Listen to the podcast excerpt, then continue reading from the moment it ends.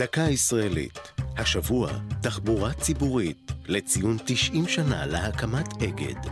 והפעם, קואופרטיב תחבורה. במשך שנים רבות ידעו כולם שכדאי להיות חבר אגד, זאת משום שחבריו היו גם בעליו.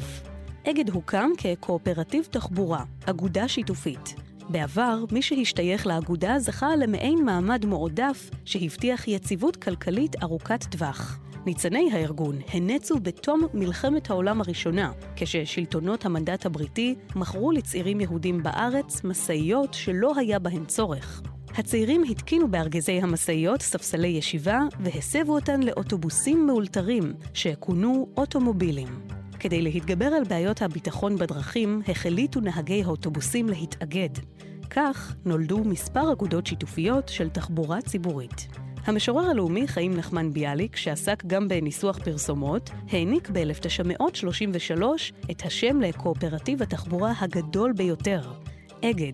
החברה ממשיכה היום להפעיל שירות אוטובוסים ברחבי הארץ, אך רבים מעובדיה אינם חברים בעלי מניה כבעבר, אלא שכירים. ובפולקלור המקומי נותר הביטוי "חברים יש רק באגד", המנציח את עוצמת העבר של ארגון התחבורה הוותיק. זו הייתה דקה ישראלית על תחבורה ציבורית וקואופרטיב.